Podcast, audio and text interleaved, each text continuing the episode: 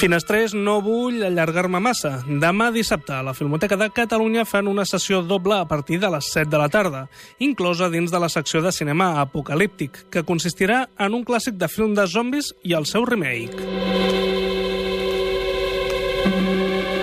El film original és Zombie, del 1978, teòrica segona part de La nit dels morts vivents i dirigida també per George Romero. I el remake, l'excel·lent Amanecer de los Muertos, de Zack Snyder. No només compartiran espai demà a la Filmoteca, sinó que ho faran avui a... La dada de la finestra. Lo sucesivo, cada muerto que no hayamos exterminado se convertirá al poco tiempo en un zombie resucitado que atacará. Y sus víctimas se convertirán a su vez en zombies. Comencem amb la primera. Si l'heu vista i la recordeu, gairebé tot el film passa dins d'un centre comercial, d'on rodaven allà de 10 de la nit a 6 del matí, per no interferir amb els horaris del centre.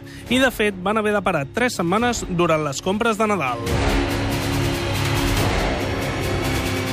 Hi ha gent que encara visita aquest centre comercial per veure on es va rodar la pel·lícula. Està a Monroeville. Havia estat el més gran dels Estats Units. Ara és un més. Tom Savini, encarregat del maquillatge, va escollir el color gris per maquillar els zombis. El motiu és que la nit dels morts vivents era en blanc i negre i va voler aconseguir una tonalitat similar. Anys més tard va reconèixer que s'havia equivocat, ja que si teniu presents les imatges semblaven més blaus que no pas grisos. Galen Ross, que feia de Fran, no crida en tota la pel·lícula. El primer cop que Romero li va demanar que cridés, ella li va dir que Fran era una dona forta, d'aquestes que no cridaria per demanar ajuda ni davant de l'atac d'un zombi. Ell ho va entendre i no li va demanar més en tot el rodatge. Darío Argento era un gran admirador de Romero. Quan va saber que filmaria la segona part dels Morts Vivents, li va oferir que anés a Roma amb ell per escriure el guió sense distraccions. Argento va acabar aportant la música i part del finançament del film a canvi de tenir els drets sobre la versió europea.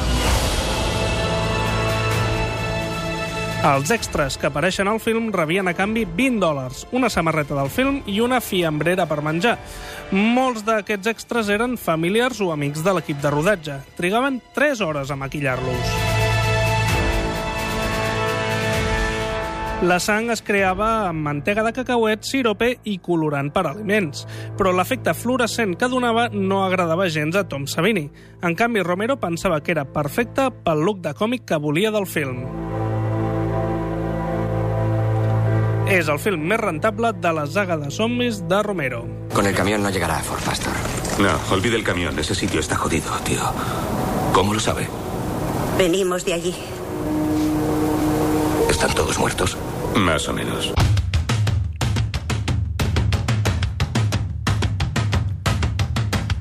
Anem amb Amanecer de los Muertos, del 2004. Feien servir tres tipus de tonalitats per la sang zombi. Vermella pels zombis més recents, marró pels que portaven morts unes setmanes i negra pels infectats feia ja molt de temps. Hi havia fins a 50 maquilladors en dies de molts extras. 3.000 persones van convertir-se en zombi aquells dies. Un dels millors punts del film van ser les variades cançons que sonaven al film, com aquesta Down with the Sickness, que sona de fons, o fins i tot temes de Johnny Cash.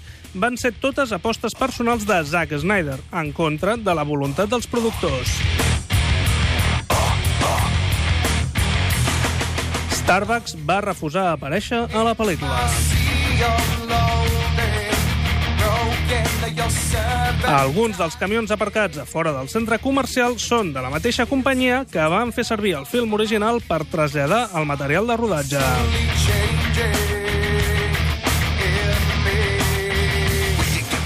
Va ser una de les primeres noves pel·lícules en què els zombis corrien en lloc de caminar, deixant de ser zombis per convertir-se en infectats. El pressupost del film va ser severament retallat per la Universal després del fracàs d'un altre film de temàtica zombi titulat House of the Dead, dient que no hi havia públic per a aquestes pel·lícules. Amanecer de los Muertos va recaptar 26,7 dels 28 milions de dòlars que va costar el primer cap de setmana. Els guionistes del film van escriure la pel·lícula pensant en Diane Lane com a protagonista. Finalment, l'escollida va ser Sarah Polley. Ella mateixa va dir que s'havia sorprès molt de que li oferissin un paper a una gran producció de terror, sent com era una referència del cine indi.